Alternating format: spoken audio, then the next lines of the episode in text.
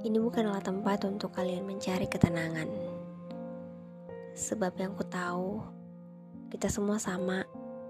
Kita semua sama-sama memiliki luka, kegelisahan, dan keriuhan di kepala.